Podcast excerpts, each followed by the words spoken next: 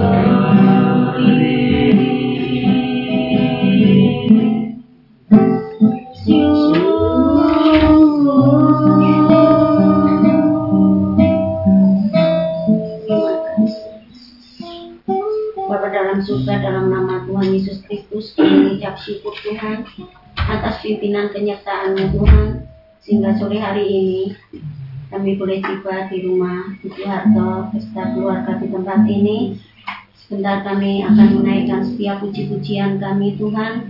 Biarlah Tuhan mengurapi seluruh kami yang hadir sore hari ini dengan kuasa roh kudusmu Tuhan. Sehingga kami boleh layak dan berkenan Tuhan. Di hadapanmu di dalam kami memujimu Tuhan. Terlebih juga hambamu Tuhan yang akan menyampaikan firmanmu. Tuhan senantiasa urapi dengan kuasa firmanmu Tuhan. Berikan pembukaan-pembukaan akan rahasia firmanmu sehingga setiap firman Tuhan yang kita kurkan sore hari ini boleh menjadi kekuatan bagi kehidupan kami untuk kami menjalani kehidupan ini Tuhan dengan penuh ucapan syukur yang daripadamu Bapak. Terima kasih Tuhan Yesus. Mungkin masih ada saudara-saudara kami yang belum datang. Tuhan sertai mereka sehingga tiba di tempat ini untuk bersyukur dengan keluarga di tempat ini Tuhan dan kami boleh memujimu dengan penuh kerendahan hati kami Bapak. Terima kasih Tuhan hanya di dalam nama Tuhan Yesus Kristus kami akan mulai pada sore hari ini. Haleluya. Amin. Puji Tuhan. Kita akan memuji Tuhan dengan pujian skala puji syukur hanya bagi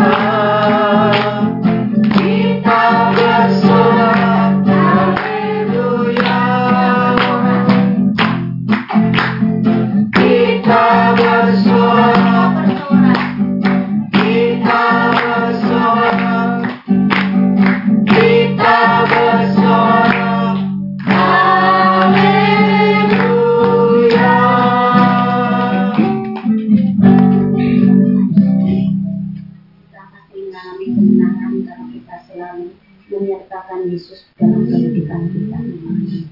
Sebentar kita akan menerima firman Tuhan, kita akan kembali memuji Tuhan dengan ujian Engkau ada bersama. Ya, sore hari ini kita menyiapkan hati kita, pikiran kita, untuk Yesus dengan Tuhan yang menjadi sumber kekuatan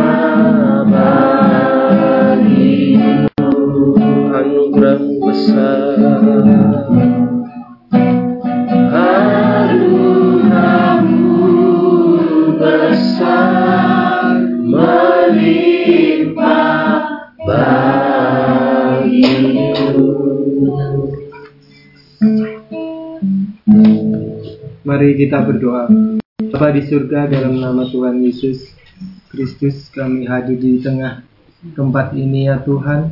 Merendahkan diri kami untuk agar Engkau datang di hadiratmu ya Tuhan. Dua orang tiga berkumpul di sini Engkau pasti hadir. Kami percaya Engkau yang memimpin Engkau mengurapi pembawa firman sehingga sebentar firman yang ditaburkan dapat berguna bagi nusa dan bangsa, masyarakat, dan khususnya keluarga besar kami, keluarga besar Gereja Pandisya Gunung Hermon ini. Kiranya doa yang jauh dari sempurna ini kami perarahkan hanya di dalam Tuhan Yesus Kristus. Haleluya, haleluya, amin.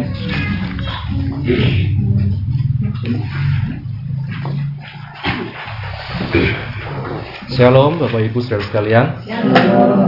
Puji Tuhan, kita bersyukur pada Tuhan.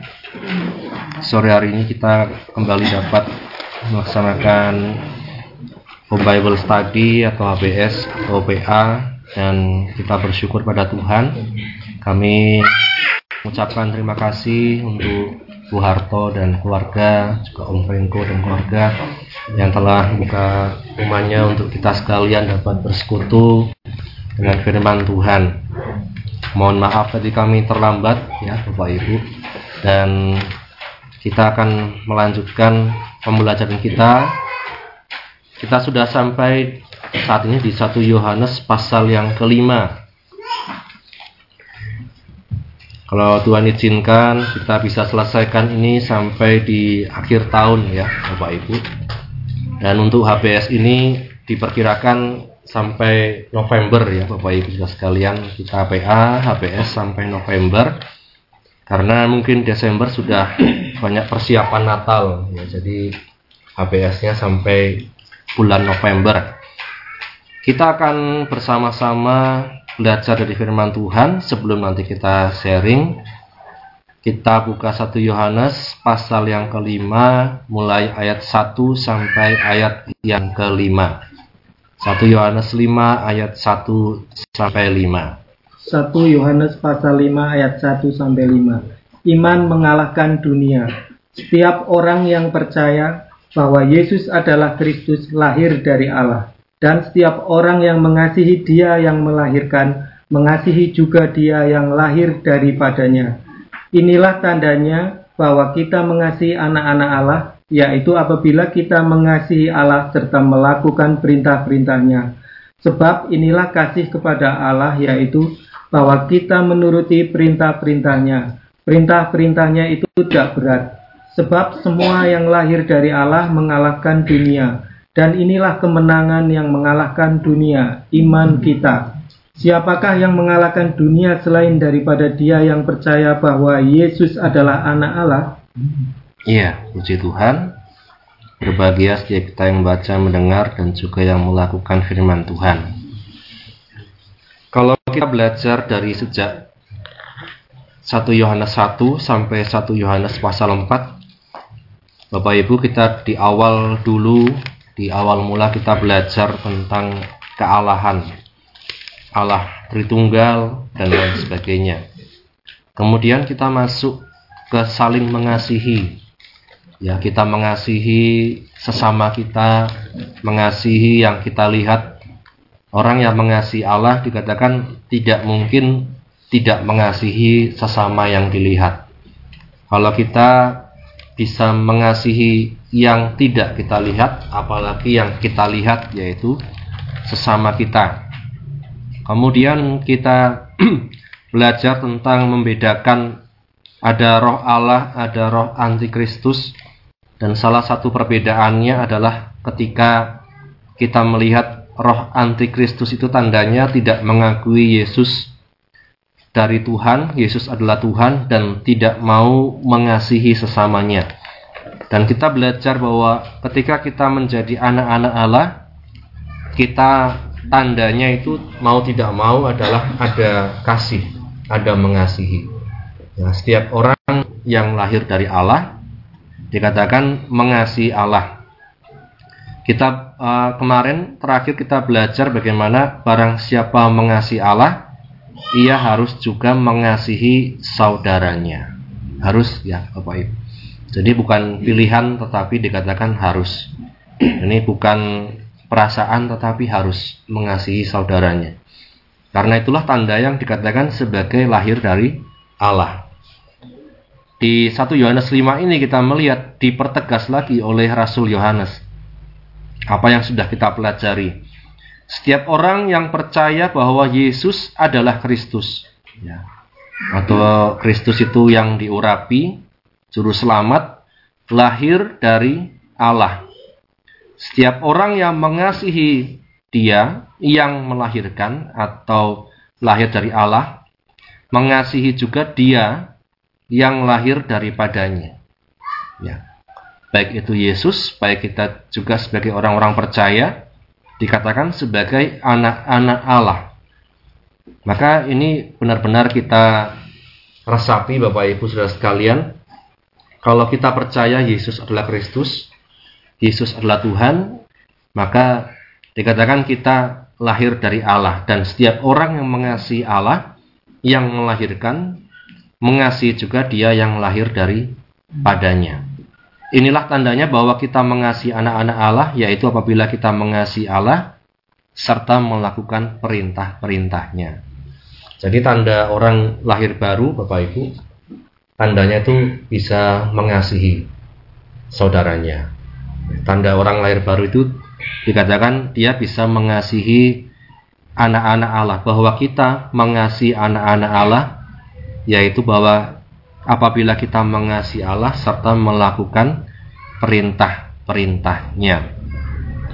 Bapak Ibu Saudara sekalian dalam hidup ini kita bukan hanya uh, percaya kepada Tuhan Yesus Kristus tapi kita juga dikatakan mengikuti melakukan perintah-perintahnya. ada paham di waktu itu di zaman Yohanes yang mungkin juga sampai saat ini masih ada ada paham yang namanya antinomianisme ya antinomianisme paham yang hanya uh, percaya bahwa kita selamat oleh anugerah dan kita tidak perlu melakukan apa yang tertulis dalam hukum Taurat ya itu namanya antinomianisme jadi paham itu kita sudah selamat oleh Tuhan Yesus. Tuhan Yesus sudah menanggung dosa saya. Artinya saya tidak perlu lagi melakukan perbuatan-perbuatan baik. Saya tidak perlu lagi melakukan firman Tuhan. Saya tidak perlu lagi taat sama Tuhan. Itu paham, ada paham antinomianisme. Jadi Bapak Ibu Saudara sekalian, dan saat ini juga mungkin ada gereja-gereja yang menganut paham tersebut. Cirinya apa? Hanya berbicara tentang anugerah Tuhan, kasih Tuhan, tetapi tidak mau berbicara tentang dosa. Tidak mau berbicara tentang uh, banyak hal dalam firman Tuhan yang itu berhubungan dengan dosa. Misalnya jangan apa, jangan apa itu dihindari semua. Ya, bahkan sekarang mungkin kalau ilmu-ilmu uh, parenting ya, ilmu-ilmu mengasuhan anak bilangnya tidak boleh pakai kata jangan. Ya. Yeah. Kalau orang uh, nakal jangan jangan nakal itu sekarang katanya tidak boleh gitu ya. Hmm. Ya, kalau kita melihat Bapak Ibu sekalian di firman Tuhan justru uh, dalam 10 perintah Allah itu jangan semua ya. ya. Jangan mencuri, jangan berzina, jangan bersaksi dusta, jangan gori ya. Lain sebagainya. Jadi Bapak Ibu sekalian, kalau anak-anak sekarang maka karena sangat terpengaruh sama barat tidak boleh dimarahi, tidak boleh ditegur, tidak boleh dikatain jangan, semua tidak boleh. Ya. Kita melihat Bapak Padahal kalau kita melihat kita sebagai orang timur, kita sudah punya banyak ilmu dari dulu. Bagaimana orang kalau di timur itu sudah biasa misalnya berkata jangan, ya. Sudah biasa apa memarahi anak itu sudah biasa. Ya, orang timur dan anak-anaknya ya uh, jadi-jadi gitu baik-baik. Tapi sekarang kita melihat berbagai macam hal uh, yang mempengaruhi bahkan sampai ilmu jiwa, ilmu pengasuhan anak dan lain sebagainya berusaha menghindari ya larangan-larangan dan lain sebagainya. Kita lihat Bapak Ibu Saudara sekalian, seperti yang saya katakan di awal dulu, kita hidup dalam dunia Kristen ini bisa ada dua ekstrim ya. Yang ekstrim pertama seperti tadi antinomianisme, mengandalkan hanya anugerah Tuhan, tidak mau lagi melakukan apa yang dikatakan firman Tuhan, kalau ada larangan dan lain sebagainya dihindari. Yang ekstrim satunya hanya mengandalkan Taurat, ya, tidak percaya tentang anugerah Tuhan, hanya mengandalkan Taurat, menjalankan semuanya tidak bercela, tidak bercacat. Tetapi dia kemudian mengandalkan kekuatannya sendiri, ya, kebenarannya sendiri. kita melihat Bapak Ibu Saudara sekalian bahwa kasih Allah kalau kita mengasihi uh, Allah dikatakan kita akan mengasihi juga anak-anak Allah sesama kita. Kalau kita mengasihi Allah dikatakan yang kedua kita menuruti perintah-perintahnya. Perintahnya ini tidak berat. Ya, dikatakan firman Tuhan. Kapan perintah itu menjadi berat? Bapak Ibu kalau demikian kalau kita melihat ayat-ayat ini kapan perintah itu menjadi berat?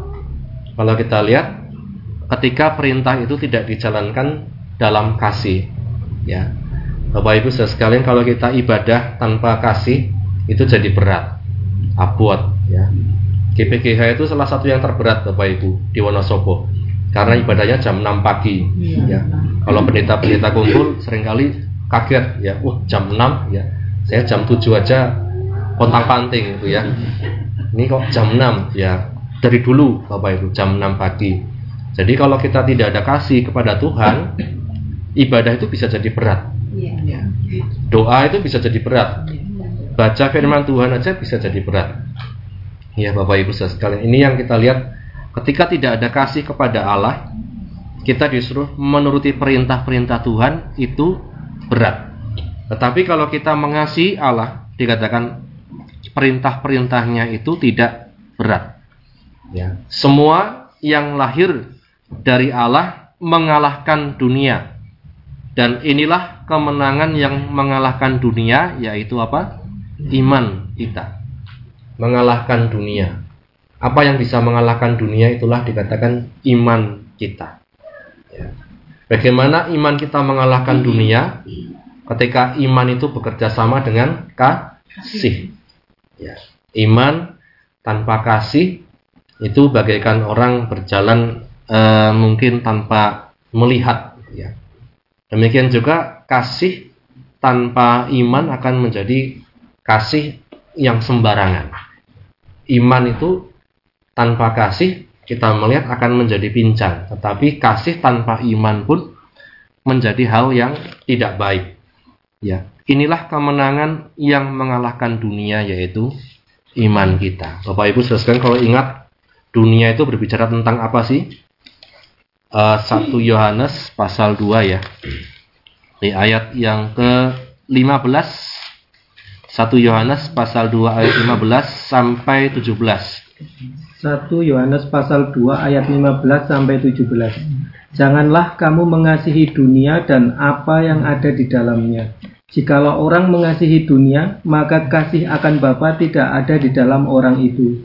Sebab semua yang ada di dalam dunia, yaitu keinginan daging dan keinginan mata serta keangkuhan hidup, bukanlah berasal dari Bapa, melainkan dari dunia. Dan dunia ini sedang lenyap dengan keinginannya, tetapi orang yang melakukan kehendak Allah tetap hidup selama-lamanya. Amin. Ya. Firman Tuhan katakan bagaimana kita mengalahkan dunia. Ya. Dunia ini bukan kita mengalahkan yang kita lihat ya, bumi dan segala isinya bukan tetapi dikatakan semua yang ada dalam dunia yaitu keinginan daging, keinginan mata, keangkuhan hidup itu bukan berasal dari Bapa melainkan dari dunia. Bagaimana kita tahu kita menang atau kalah dari dunia dikatakan oleh firman Tuhan? Kita lihat saja tiga hal ini dalam kehidupan kita. Ya, Bapak Ibu saudara sekalian, Apakah kita masih diliputi keinginan daging? Yang kedua, keinginan mata. Yang ketiga, keangkuhan hidup. Ya. apakah kita masih ada warna tersebut di dalam setiap kehidupan kita keinginan daging kemudian uh, kalau dalam uh, Injil lain dalam kitab lain surat lain Rasul Paulus katakan keinginan daging telah nyata ya yaitu kecabulan, kenajisan, hawa nafsu dan lain sebagainya. Bapak Ibu, keinginan mata ini juga dikatakan mata adalah pelita tubuh. Kalau matamu baik, teranglah seluruh tubuhmu ya. Kalau matamu jahat, gelaplah seluruh tubuh kita. Ya Bapak Ibu sekalian, sering kali bukankah kita bisa ada masalah karena keinginan mata ya. Keinginan mata, maka sering kali ada istilah ya, bagi yang para pria mata keranjang bukan ya. Anehnya wanita jarang ya mata keranjang istilahnya. Seringkali kalau ada pria dikatain mata keranjang ya. Tapi kalau wanita nggak tahu mata apa ya. Mata hijau. Ya mata hijau. Kalau wanita mungkin lihat barang-barang ya di Rita ya di Trio ya di mall ya lapar matanya dia. Lapar mata ya jadi Bapak Ibu saudara sekalian, kita masih manusia, masih ada keinginan ini tentu. Tapi masalahnya kemudian apakah kita terus kalah? Ya. Kemudian keangkuhan hidup Bapak Ibu, saudara sekalian keangkuhan hidup ini juga yang kalau dalam bahasa lain dikatakan pride of life ya kebanggaan ya kebanggaan keangkuhan jadi tanggane duwe apa kita rasanya pengen duit ya. Tanggane sini punya apa kita mau punya ya. Yang di sana punya apa sini mau punya dan lain sebagainya. Keangkuhan hidup. Bapak ibu sudah sekali maka kita melihat suka membanding banding gitu ya. Walaupun kita sering ada lagunya ojo banding bandingnya tapi tanpa kita sadari sering kali banding banding ya. Kita melihat karena bapak ibu kalau kadang ini tanpa kita sadari ya ada keinginan-keinginan seperti itu. Karena keinginan melebihi yang lain, ya. Ini maka firman Tuhan katakan kemenangan kita yang mengalahkan dunia hanya dikatakan iman. Iman kita di dalam Yesus. Kita kemarin-kemarin belajar bagaimana dalam Yesus itu dikatakan Yesus itu mau merendahkan diri sama dengan manusia sampai mati di kayu salib untuk apa? Keselamatan orang, menebus dosa orang berdosa. Itu Yesus turun. Bapak Ibu Saudara turun dari surga, tidak menganggap kesetaraan dengan Allah sebagai milik yang harus dipertahankan, tetapi turun menjadi sama dengan manusia dan lain sebagainya.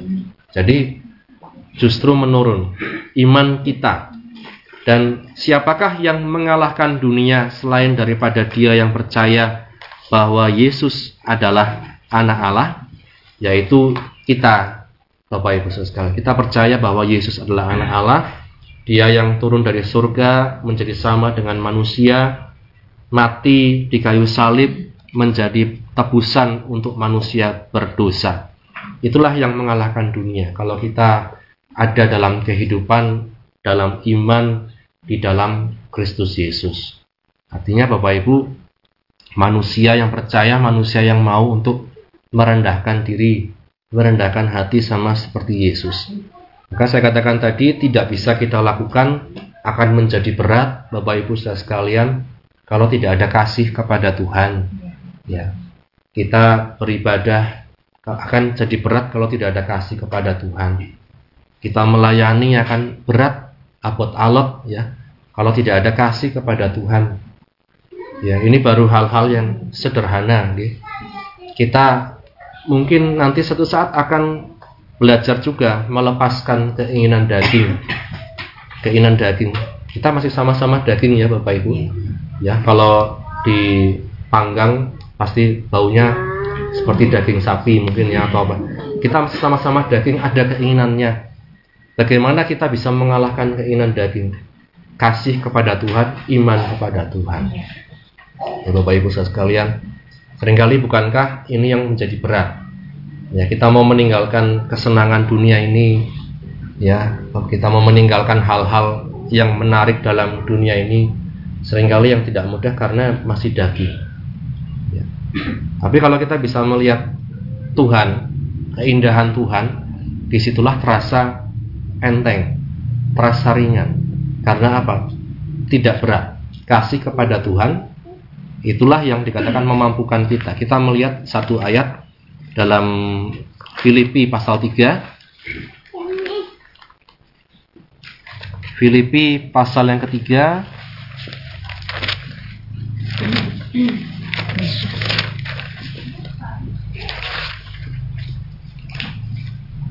Ayat yang ke empat sampai ayat yang ke sembilan. Filipi pasal 3 ayat 4 sampai 9. Sekalipun aku juga ada alasan untuk menaruh percaya pada hal-hal lahiriah jika ada orang lain menyangka dapat menaruh percaya pada hal-hal lahiriah, aku lebih lagi. Disunat pada hari ke-8 dari bangsa Israel dari suku Benyamin orang Ibrani asli, tentang pendirian terhadap hukum Taurat aku orang Farisi, tentang kegiatan aku penganiaya jemaat, tentang kebenaran dalam mentaati hukum Taurat aku tidak bercacat. Tetapi apa yang dahulu merupakan keuntungan bagiku, sekarang ku anggap rugi karena Kristus. Malahan segala sesuatu ku anggap rugi karena pengenalan akan Kristus Yesus, Tuhanku, lebih mulia daripada semuanya. Oleh karena dialah aku telah melepaskan semuanya itu dan menganggapnya sampah, supaya aku memperoleh Kristus dan berada dalam dia bukan dengan kebenaranku sendiri karena mentaati hukum Taurat, melainkan dengan kebenaran karena kepercayaan kepada Kristus yaitu kebenaran yang Allah anugerahkan berdasarkan kepercayaan. Amin. Ya, firman Tuhan katakan Paulus punya kebanggaan. Dikatakan dia disunat pada hari ke-8 dari bangsa Israel, dari suku Benyamin, orang Ibrani asli. Dia orang Farisi, kegiatannya penganiayaan jemaat. Dia mentaati hukum Taurat tidak bercacat. Tapi dikatakan apa yang kubanggakan dulu sekarang kuanggap rugi karena Kristus. Bahkan sekarang dikatakan segala sesuatu kuanggap rugi karena pengenalan akan Kristus Yesus, Tuhanku lebih mu, mulia daripada semuanya. Oleh karena Tuhan, oleh karena Kristus Yesus, aku telah melepaskan semuanya itu dan menganggapnya sampah supaya aku memperoleh Kristus. Bapak Ibu sekali kalau kita bisa melihat kemuliaan Tuhan, kemuliaan kasih Tuhan ini yang luar biasa dalam setiap kehidupan kita. Jika saya mungkin saya sama remaja pemuda saja ya sebagai contoh, karena mereka masih apa labil gitu ya. Seringkali yang tidak mudah itu bagaimana kita memperkenalkan cinta Tuhan Yesus dalam kehidupan anak muda remaja. Ya sebelum mereka berkenalan sama cinta Tuhan Yesus, kadang mereka sudah kenalan sama cinta dunia ini. Ya. Cinta dunia ini. Ya. Nah, ketika sudah kenal sama cinta dunia ini, belum kenal sama cinta yang sejati, disuruh melepaskan itu tidak mudah. Ya, Bapak Ibu, maka sering kali terjadi bentrokan, ya, hal-hal yang tidak enak dan lain sebagainya. Karena kita belum kenal cintanya Yesus, kita mau cinta-cintaan sama dunia ini. Ya, yang terjadi berbagai macam drama kadang seperti itu. Ya maka saya selalu katakan sama remaja pemuda yang paling susah itu bukan menasihati anak nakal ya. Yang paling susah kadang menasihati orang yang lagi jatuh cinta. Ya bapak ibu sekalian. Betul ya yang paling susah itu yang paling susah menasihati orang lagi jatuh cinta bahkan kita mau ngomongin seperti apa pun itu dianggap sebagai hal yang tidak baik, hal yang buruk. Ya. Tetapi paling mudah kita menasihati orang yang sudah patah hati. Ya, ketika anak muda sudah nangis-nangis patah hati, kita nasihati baru, oh iya ya kak ya, bener ya. Harusnya aku dengerin dari dulu. Ya dulu waktu jatuh cinta saya nasihati tidak mau gitu kan. Jadi bapak ibu sekalian, makanya paling sulit itu seperti itu. Makanya uh, bapak ibu sekalian kalau kita punya anak muda remaja, ya yaitu perkenalkan dulu sama cintanya Tuhan Yesus. Lewat apa? Lewat teladan hidup kita. Lewat apa yang kita lakukan, misalnya ibadah, doa pagi, baca firman, berdoa. Anak-anak jadi tahu cintanya Yesus dalam kehidupan kita. Nanti kita dia bisa melihat kalau dia mulai remaja, pemuda, kenalan sama cewek, kenalan sama cowok, ya kita bisa masuk di dalamnya, kita bisa menasehati dan lain sebagainya. Tetapi kalau kita belum mengenalkan, apalagi lebih parah kalau kita belum kenal sama cintanya Tuhan Yesus ya, kita tidak bisa memperkenalkan orang lain pada cintanya Tuhan Yesus. Ya, akhirnya yang terjadi ketika dia bercinta-cintaan sama yang lain, kita mau menasihati, sering kali malah marah dan lain sebagainya. Nah, maka Bapak Ibu saudara sekalian, dikatakan tanpa cinta perintah Tuhan itu berat. Ya. Ya, tanpa cinta perintah Tuhan perintah Tuhan itu berat.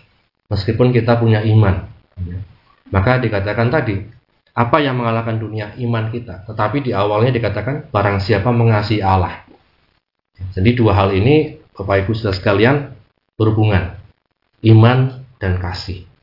Ya, kita tidak hanya cukup saya punya iman besar, tetapi kasihnya sembarangan, ya. Atau saya punya kasih yang besar, tetapi imannya sembarangan. Ya, dua hal ini Bapak Ibu sekalian saling berhubungan. Ya. Supaya apa? Supaya kasih kita benar, supaya iman kita juga benar di dalam Tuhan. Dan maka inilah yang dikatakan mengalahkan dunia. Jangan kita berpikir mengalahkan dunia itu kita pikir perang di sana, perang di sana.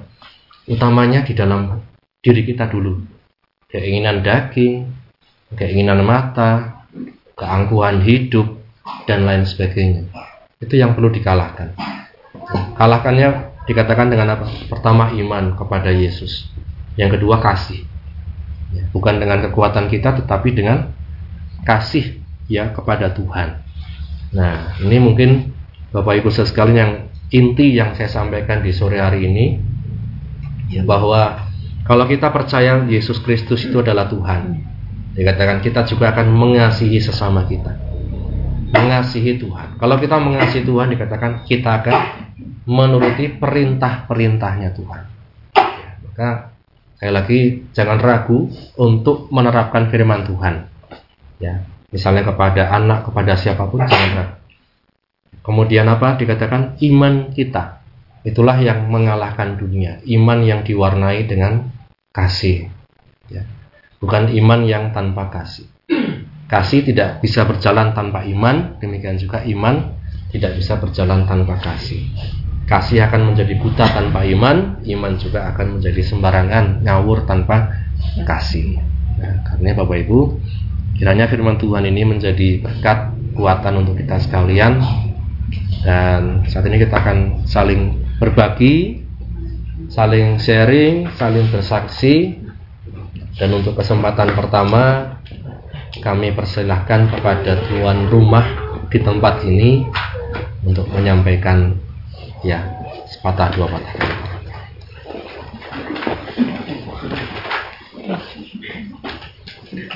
Terima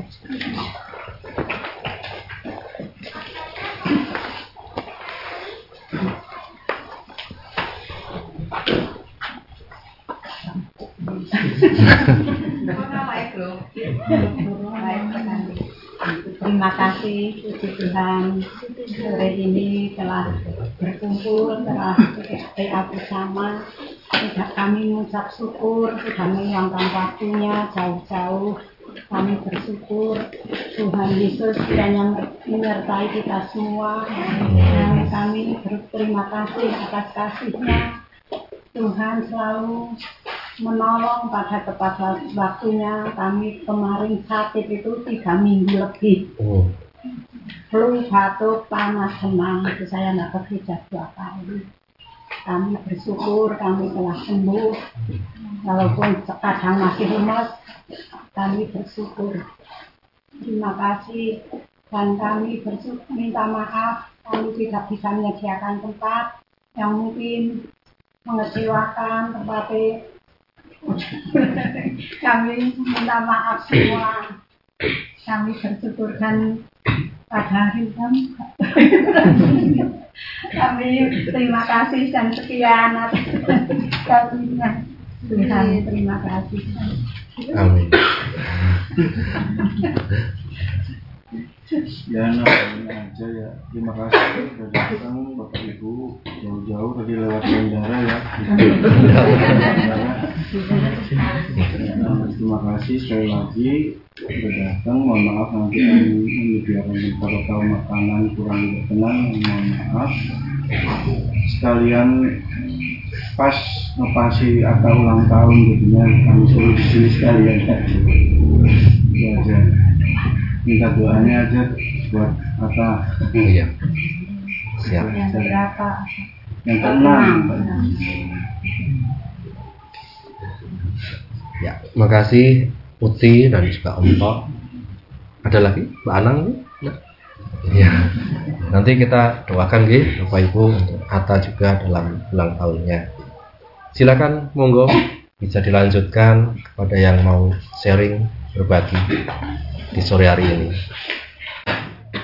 Salam semuanya. Salam. Puji Tuhan, terima kasih waktu yang diberikan untuk saya untuk menyaksikan cinta kasih Tuhan. Terutama ini untuk anak kami AKB. Eh, bulan-bulan lalu itu dia curhat sama saya katanya, Mama besok itu ada ujian sertifikasi kompetensi siswa. Dia itu bilang dari sekolahan itu nanti dipilih mah undian ya kamu doa aja. Kalau misal bisa lolos ya puji Tuhan eh, apa nanti itu dibiayai dari pemerintah. Ya kamu pokoknya intinya kamu doa saja. Pokoknya kamu doa. Semua itu kan kehendak Tuhan. Kok kemarin itu pulang dari sekolah saya tuh pulang kok. Tasnya belum di anu, langsung bilang mah mah puji Tuhan kenapa. Ini eh, dari dua kelas multimedia itu disebut eh, dipilih 10 anak. Puji Tuhan apa itu eh, termasuk di situ. Eh, besok Senin ujiannya. Nanti juga kami mohon bantu doanya. Semoga semuanya dilancarkan kesehatannya juga.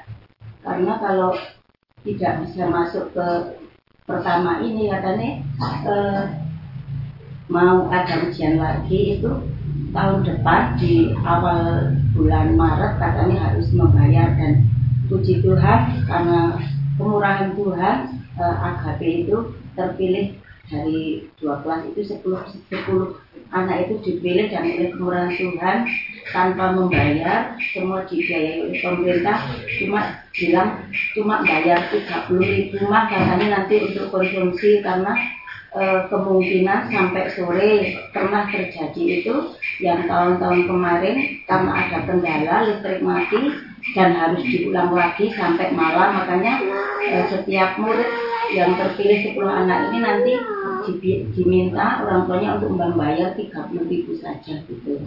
Nanti kami minta bantu doa. Semoga semua diberi kelancaran untuk anak kami.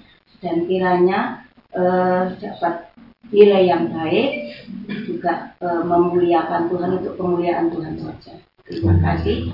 Karena dari tadi itu saya kok di dalam batin kok rasanya nggak di kok kayak unek-unek di saya kok kayaknya Tuhan itu sudah baik untuk saya untuk anakku kok semua kok nggak dikeluarkan lah inilah saya tetap kini om Jawa unek-unek saya eh, Tuhan Yesus itu baik sekali untuk warga saya terlebih-lebih untuk anak saya tapi terima kasih Amin. Ya, nanti kita doakan untuk agape ya, Bapak Ibu sekalian. Tuhan melancarkan semua prosesnya. Silakan, ada lagi ya. Bapak-bapak yang di depan mungkin? Belum. Ibu-ibu yang di sini?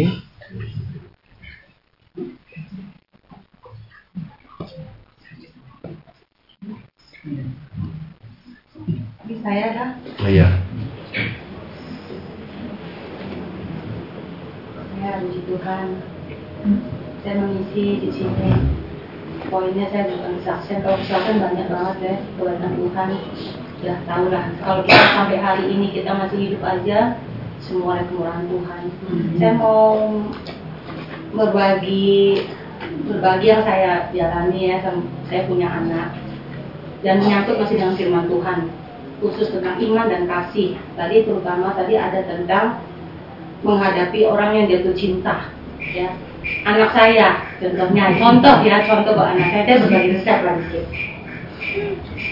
Betul kalau kita nggak mengalami kasih Tuhan saat anak kita jatuh cinta anak kita bisa malas beribadah malas-malesan baca firman malas-malesan misalnya bisa seperti itu. Dan e, poin juga bagus tadi betul dari diri kita sebagai orang tua juga harus jadi teladan ya. Tapi belum tentu juga kadang ibu orang tua tidak teladan anaknya malah baik. Ada juga seperti itu. Tapi alangkah baiknya kita apa jadi teladan yang baik ya. Kita menasihati anak juga sekarang nggak bisa streng bapak ibu ya, nanti uh, karena kami punya anak ya jadi yang tahu lah ya. Anak sekarang itu betul ya bapak gembala. Tipe dulu dengan tipe sekarang lucu. Kalau saya dulu kalau di, disuruh emak saya dipukul pernah pakai ember lah. Pakai kayu centong lah. Kalau sekarang KDRT itu nggak bisa. Harus dengan kasih dengan kasih yang lembut nasihat ya. Tapi betul kalau anak-anak dulu jadi-jadi memang betul ngerti etika sopan santun juga tahu uh, apa yang menjadi tanggung jawabnya gitu. Dan menghadapi anak yang misalnya kita nasihati anak nggak bisa langsung jangan jangan wah jangan kita langsung gini iring ya cinta Tuhan. Ingat ya kebaikan Tuhan. Ingat ya bagaimana Tuhan tuh sayang sama uh, kita gitu. Apalagi satu saat kalau anak kita menjalin cinta dengan non Kristen ya dengan lain iman hati-hati. Kita juga harus benar-benar tekun berdoa. Kita juga sebagai orang tua uh, tugas kita utama kita doa karena kita yakin doa itu akan menyelesaikan segala sesuatu doa dengan iman dengan kasih ya. Dan kita juga bisa mengingatkan anak kita akan kasih Tuhan tentang iman kepada Tuhan. Agar anak kita jangan sampai karena cinta dengan dunia menjalin dulu dengan dunia cinta dunia anak kita jadi malah meninggalkan Tuhan. Jangan sampai ya makanya kita betul kita kenalkan kepada kasih Tuhan. Kalau kita udah kenalkan kasih Tuhan, ya semoga dan pastilah ya anak kita kan lebih cinta Tuhan, lebih mengasihi Tuhan ya, lebih lebih taat sama Tuhan. Itu saya bersyukur. Uh, saya suka sharing. Saya tidak menganggap ini anak saya, jadi saya harus gini nggak. Kalau anak saya lagi masih masukkan ke saya juga mah gini gini gini kerja. Saya masih masukkan ke anak saya juga, dek. Uh, kalau bisa kamu gini gini. Gini kita hati jangan kasih Tuhan. Jadi seperti teman kalau sekarang seperti teman. Jadi kita memberi masukan kepada anak dengan kasih dengan seperti teman bicaranya baik-baik. Biasanya sering masuk kok kalau kita dari hati ke hati. Kenapa sih? Misalnya jadi anak akan terbuka. Ya uh, jadi anak bisa menceritakan isi hatinya. Kok gini ya? Gini. Menurut kamu gimana? Misalnya gitu jadi anak bisa terbuka dengan kita, terutama uh, anak kita juga kita betul Pak Gembala bilang kita kenalkan kasih kepada Tuhan dengan iman kepada Tuhan ya. Jadi menasihati orang jatuh cinta memang harus dengan kasih dengan dengan dengan masukan seperti teman ya dengan sahabat gitu jadi bagaimana jangan sampai cintanya kepada cinta yang dunia ini lebih besar nanti sama Tuhan. Jadi nanti anak kita akan jauh dari Tuhan. Jangan sampai ya kita punya anak sampai meninggalkan Tuhan jangan sampai kalau bisa. Tapi seandainya pun begitu kita tetap setia berdoa ya tetap setia sama Tuhan, tetap kita rajin beribadah. Dan saya juga bersyukur saya kita punya ibadah di sini jam 6. Jujur Bapak Ibu, kalau di kota besar itu ibadahnya siang karena sudah kebiasaan pagi. Aduh saya senangnya pagi gitu loh. Saya walaupun saya online bapak gembala ibu gembala ibu nasihat saudara-saudara saya ibadah loh di rumah. Saya mandi jam setengah lima udah mandi. Saya udah dandan saya udah duduk hmm. ya. Anak-anak saya semua belum bangun saya udah bangun. Saya udah dandan udah mandi. Saya online saya langsung ikut ibadah. Karena udah kebiasaan satu satu kerinduan di hati saya bersama-sama uh, di, di apa di tempat ini gitu. Walaupun kita jauh tidak bertemu dengan secara langsung tapi saya lewat online saya lihat saya ibadah. Ya saya saya resapi firman Tuhan pendeta-pendeta hamba-hamba Tuhan ya yang uh, kemarin Pak Roland ya saya juga saya dengarkan gitu. Saya bersyukur di situ kita semakin kuatkan dikuatkan oleh firman Tuhan kasih dengan iman. Karena itu yang tidak akan pernah lenyap kalau tidak salah ya Gembala kasih ya. Semua akan berakhir nubuatan berakhir bahasa roh akan berhenti tapi kasih itu akan tetap. Itu sih uh, resep saya sih dengan anak yang khusus ini berjalan dengan jatuh cinta ya kepada anak kita yang menghadapi anak kita harus seperti teman dari hati ke hati. Dan firman Tuhan kalau kita perkatakan jangan lupa jangan cuma omongan secara dunia tapi masukkan perkataan firman Tuhan dalam hidup kita. Puji Tuhan. Itu sih kesaksian saya dan uh, renungan-renungan sharing saya sore hari ini. Terima kasih.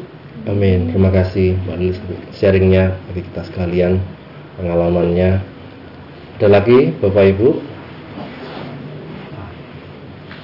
Oh iya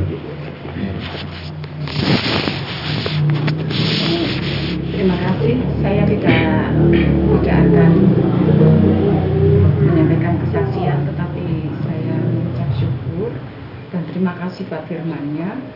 Tadi dikatakan bahwa eh, untuk menegur anak sekarang ini tidak boleh jangan jangan gitu ya. Nah, eh, terutama sesuai dengan kurikulum yang sekarang itu kurikulum merdeka barangkali ini nanti bermanfaat bagi ibu-ibu, bapak-bapak yang masih mempunyai anak sekolah SD, SMP, SMA. Kurikulum merdeka memang begitu, padahal itu sudah di sudah ditolak oleh DPR, tetapi tetap saja dilaksanakan.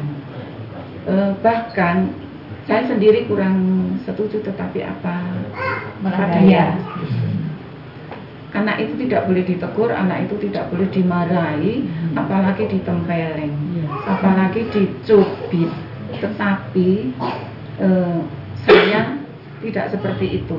Saya susah untuk tidak melakukan itu. Saya tidak sampai menempeleng, saya tetap tegur. Karena saya eh, memang saya pegang firman Tuhan, anak yang dikasih Tuhan itu eh, akan ditegur anak yang diakui oleh Tuhan sebagai anak ada, akan disesat. Tuhan saja um, memberikan teguran, artinya sanksi itu ada tingkatannya. Ditegur dulu, baru nanti disesah. Sesah itu barangkali itu sudah hukuman terberat ya. Tapi paling tidak ditegur dulu. Uh, sepuluh firman Tuhan juga jangan jangan jangan tadi kemudian itu bertentangan kalau kalau dengan kurikulum sekarang. Bahkan kurikulum sekarang yang membuat hati saya miris itu ya, guru itu menghamba kepada murid. Guru itu harus menghamba kepada murid. Hamba itu ibaratnya budak. Hubungan antara eh, yang rendah kepada yang paling tinggi atau kita manusia kepada Tuhan itu menghamba e, masa murid diangkat jauh lebih tinggi daripada guru. Guru tidak boleh menegur tidak boleh apa tetapi harus menghamba itu yang membuat membuat saya sebetulnya ya kurang kurang serak. Tetapi kepada anak-anak yang Kristen di sekolah saya saya jelaskan bahwa anak eh, ayat itu tadi dalam Ibrani itu saya sampaikan. Kalau kamu ditegur oleh guru itu artinya guru sayang pada kamu, perhatian pada kamu. Demikian juga kalau di kelas. Kalau anak di kelas tahu dia e, saya akan menghukum dia, dia sudah menyerahkan diri. Bagaimana tugasmu tidak tidak dikerjakan? Hmm, tidak bu. Dia, mereka jujur mesti dengan saya seperti itu. Ayo, nanti dia akan menyerahkan telinganya. Sudah begini dulu. Jadi dia dengan sukarela saya pencet telinga. Saya pilih telinga karena katanya kalau telinga ini dipencet e, mengantisipasi stroke. Saya juga jelaskan kepada anak-anak bahwa saya pilih ini bukan saya membuli kamu, bukan kekerasan, tetapi ini terapi. Terapi. Itu saya alasan saya seperti itu e, sedih sekali ada guru yang menegur kemudian dipolisikan dan sebagainya itu sedih. Dan itu bertentangan dengan Alkitab bertentangan dengan firman Tuhan. Menurut saya e, seperti itu. Terima kasih semakin firmannya semakin membuka saya membuka mata hati saya membuka e, mata rohani saya saya semakin yakin bahwa apa yang saya lakukan itu tidak merugikan anak tetapi juga um, tidak setidaknya tidak bertentangan dengan firman Tuhan. Saya tetap menegur dengan kasih tentu saja. Ya saya saya lo saya me eh, kalau seperti itu bagaimana baik tidak dan sebagainya. Nanti kalau sudah diulangi lagi seperti itu langsung begini. Ya. nah terus hmm, untuk apa? Untuk hal ini sudah saya jelaskan seperti itu tetapi kalau dengan guru-guru milenial itu tidak terima. Tidak boleh ada sanksi tidak boleh ada teguran tidak boleh ada apa tetapi saya diam saja. Saya tidak menyampaikan kepada mereka saya hanya menyampaikan pada murid-murid bahwa saya tidak sedang tidak menghukum tetapi apa menegur orang Jawa pun punya tingkatan teguran eh, semuratu esem bupati dupak mantri artinya dengan teguran halus kemudian kok masih dablek kemudian tegur keras. Nah dupak mantri itu sudah tingkatan yang paling atas dicubit atau di apa dipukul pakai sapu dan itu harus di sini. Ya sudah disediakan pantat ini Tuhan untuk di atau di teoknya harusnya di sini. Tidak boleh dipukul di sini mati nanti. Sudah disediakan oleh Tuhan pantat terima kasih. Terima kasih. Terima kasih Bunda untuk ya, kesaksiannya. Dan ini tuh ya Bapak Ibu sekalian kita akan menaikkan dua syafaat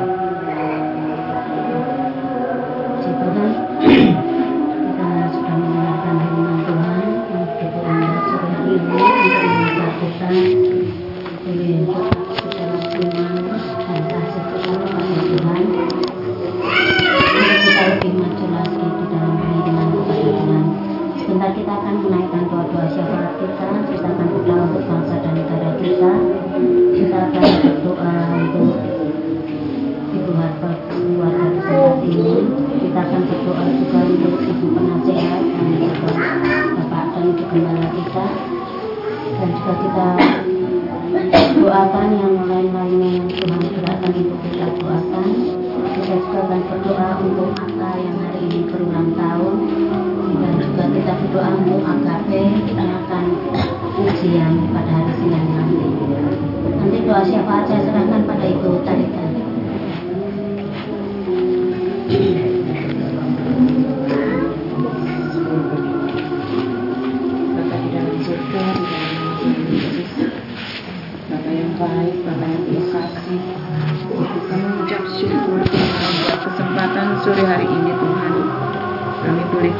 berkumpul, bersahati, menaikkan pujian kami ke hadapan hadiratmu Tuhan. Dan kami juga sudah menerima firman-Mu Tuhan yang semakin membuat kami mengerti bahwa kasih harus didasari iman dan iman harus penuhi dengan kasih. Kami mengucap syukur Tuhan. Kami boleh belajar mengoreksi diri kami sendiri. Apakah kami masih memiliki keinginan daging, keinginan mata, dan keangkuhan, keangkuhan hidup. Kami menyadari Tuhan, itu semuanya masih ada di dalam kami. Oleh karena itu Tuhan ampuni Tuhan, ampuni kami. Dan ajar terus Tuhan lewat firman-Mu supaya semakin hari kami boleh semakin disempurnakan. Kasih ka- kami kepada Engkau Tuhan semakin hari semakin murni Tuhan. Ya. Tanpa kedagingan, Ya. tanpa keinginan mata, tanpa Ya. keangkuhan hidup. Ya. Tetapi mengasihi Engkau dengan segala kerendahan hati kami. Terima kasih Tuhan, terima kasih. Kiranya Tuhan berkati hambamu yang telah menyampaikan firman-Mu Tuhan. Pakai lebih lagi Tuhan, supaya boleh eh, menumbuhkan kasih kami, me- menjadikan kami tubuh tubuhmu Tuhan yang diikat dengan kasih. Terima kasih Tuhan, terima kasih. Pada saat sore hari ini Tuhan, kami berdoa buat Ata Tuhan. Kami mengucap syukur Tuhan. Kami berbahagia, kami bersuka cita. Tuhan, Engkau telah eh, memberikan usianya yang keenam tahun ini Tuhan. Hari ini hari ulang tahun Ata yang keenam. Kiranya Tuhan memberikan Ata kekuatan, kesehatan Tuhan yang terutama. Tuhan tumbuhkan Ata menjadi anak yang takut akan Tuhan. Tumbuhkan iman percayanya Tuhan semakin hari semakin uh, tumbuh berkembang Tuhan sesuai dengan usianya. Tuhan berkati kedua orang tuanya Tuhan dan e, biarlah kedua orang tuanya boleh menjadi saluran berkat bagi Ata untuk mendidik, melatih dan e, membesarkan Ata dengan kasih-Mu Tuhan. Terima kasih Tuhan. Terima kasih. Kami juga berdoa Tuhan buat agape Tuhan. Kami mengucap syukur Tuhan sesuai dengan janjimu bahwa engkau akan menjadikan agape sebagai kepala bukan ekor. Kami sudah menyaksikan Tuhan bahwa engkau benar-benar menjadikan agape sukses. Tuhan, agape telah uh, terpilih 10 besar uji sertifikasi kompetensi Tuhan kiranya Tuhan akan menyempurnakan kesuksesannya Tuhan. Lebih sukses lagi nanti berhasil lagi nanti Tuhan. Dan masa depan AKP serta ATA sudah engkau rencanakan sudah engkau sediakan. Terima kasih Tuhan. Demikian juga buat orang tua AKP Mas Bowo dan Mbak Yuli Tuhan. Kiranya Tuhan berkati berikan kekuatan kesehatan rezeki yang melimpah Tuhan supaya boleh membimbing, mendidik AKP dan bila uh, sesuai dengan firman. Terima kasih Tuhan, terima kasih. Kami juga berdoa buat saudara-saudara kami yang saat ini sakit Tuhan. Uh, kiranya Tuhan uh, lawat mereka satu persatu Tuhan. Ibu Sumaryoto, Tuhan sempurnakan kesehatannya Tuhan dan berikan kesabaran, kekuatan, kesehatan buat eh, anak-anak uh, yang me merawat, melayani Tuhan. Besarkan hati Bu Sumaryoto Tuhan.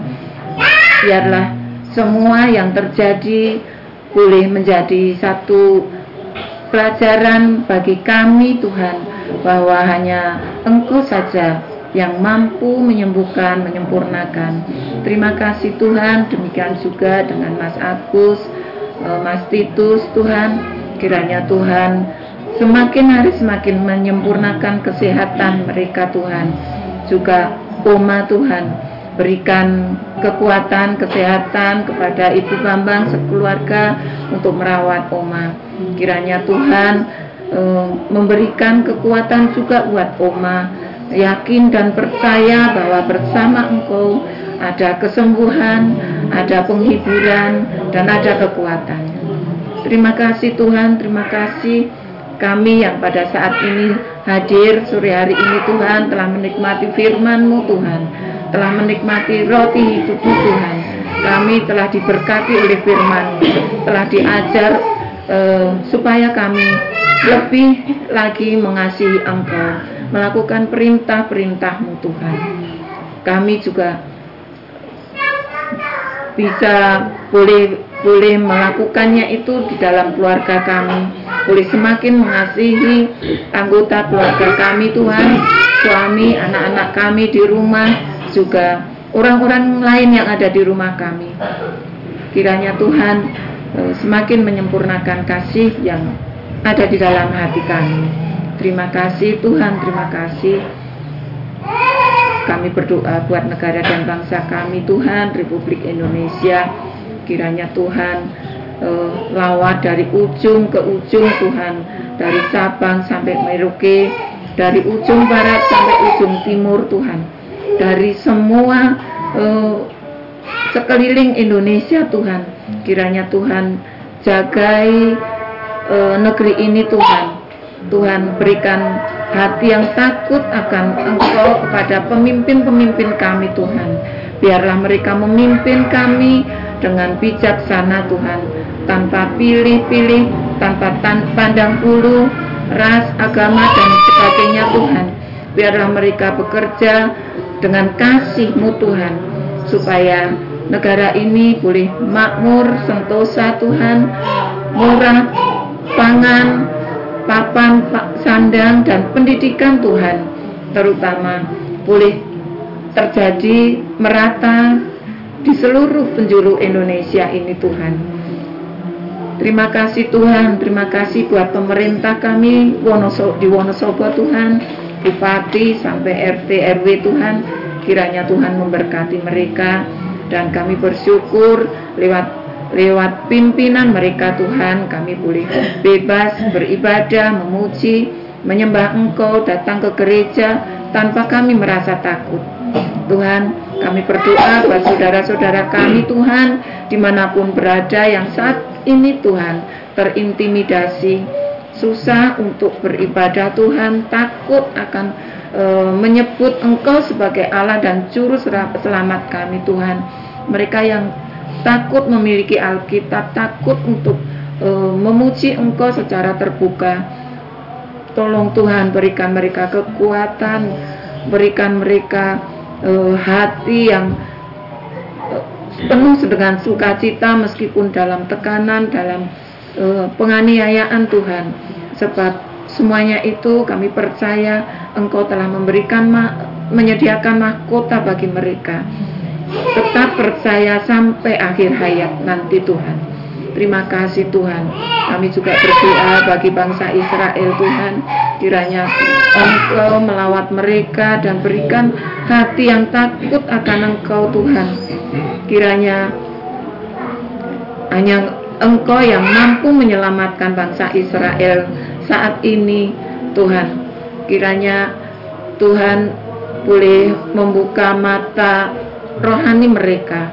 Satu-satunya juru selamat. Tuhan yang layak disembah yang layak dipuji ditinggikan. Hanyalah engkau Tuhan Yesus. Terima kasih Tuhan terima kasih. Kami mengucap syukur. Terima kasih Tuhan. Dan kami berdoa juga buat keluarga Bu Harto di tempat ini. Bu Harto dan anak-anak cucu mantu Tuhan. Kiranya Tuhan sertai, berkati, berikan kekuatan, kesehatan, rezeki yang melimpah Tuhan. Terima kasih Tuhan, biarlah mereka menjadi uh, terang bagi orang-orang di sekitar ini, boleh menjadi garam bagi orang-orang di sekitar ini sehingga orang-orang di sekitar ini boleh melihat Engkaulah Allah satu-satunya yang layak dipuji dan disembah. Terima kasih Tuhan, terima kasih. Kalau sebentar kami akan kembali ke rumah kami masing-masing Tuhan. Kami menyerahkan seluruh kehidupan kami hanya di dalam tanganmu. Perjalanan kami nanti juga kami serahkan dari sini, dari tempat ini sampai ke rumah kami masing-masing Tuhan. Kami serahkan dalam pimpinanmu Tuhan. Dan juga damai sejahtera uh, ada di tempat ini, tetap tinggal di dalam keluarga ini juga Engkau akan mempertemukan kami kembali dalam pertemuan ibadah ibadah selanjutnya. Terima kasih Tuhan, terima kasih hanya di dalam nama Tuhan Yesus kami telah berdoa Tuhan dengan penuh ucapan syukur. Haleluya. Amin. Sebelum kita terima berkat Tuhan, kita doa buat apa ya? Amsal 3 ayat 1 sampai 4 Hai anakku, atas janganlah engkau melupakan ajaran Tuhan Dan biarlah hatimu memelihara perintah Tuhan Karena panjang umur dan lanjut usia serta sejahtera akan ditambahkannya kepadamu. Janganlah kiranya kasih dan setia meninggalkan engkau. Kalungkanlah itu pada lehermu, tuliskanlah itu pada loh hatimu, maka engkau akan mendapat kasih dan penghargaan dalam pandangan Allah serta manusia. Terjadilah sesuai firman Tuhan. Terima kasih. Kita sama-sama terima berkat Tuhan. Tuhan memberkati engkau dan melindungi engkau. Tuhan menyeri engkau dengan wajahnya dan memberi engkau kasih karunia. Tuhan menghadapkan wajah kepadamu dan memberi engkau damai sejahtera. Tuhan kami akan di nama Tuhan Yesus Kristus. Dan Bapak terima kasih. Bapak